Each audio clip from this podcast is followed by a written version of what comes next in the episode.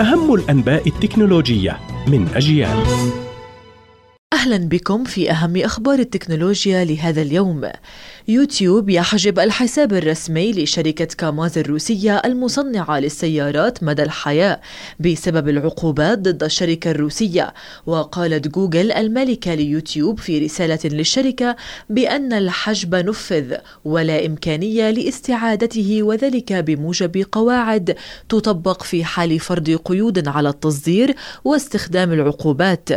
يذكر أن روسيا اكتشفت منذ عام 2020 حوالي 70 حالة لتقييد الوصول إلى الحسابات والمدونات الروسية المنشورة على قنوات يوتيوب.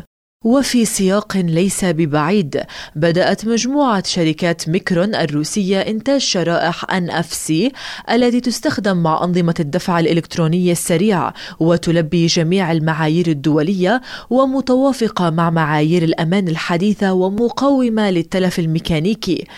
وتعتمد الشرائح على تقنيات مطورة محليا وتسمح بنقل البيانات بين الهواتف وأجهزة الدفع الإلكتروني دون تلامس كما تدعم تكنولوجيا الدفع الفوري للمشتريات. شركة موتورولا تعلن عن هاتفها الجديد Moto S 13 Pro الذي ينافس أفضل هواتف أندرويد المطروحة حاليا ويأتي هاتف موتورولا الجديد بهيكل مصنوع من المعدن والبلاستيك والزجاج المقاوم للصدمات والخدوش ومزود بأفضل شاشات الهواتف القادرة على التعامل مع الفيديوهات عالية الدقة وألعاب الفيديو الحديثة.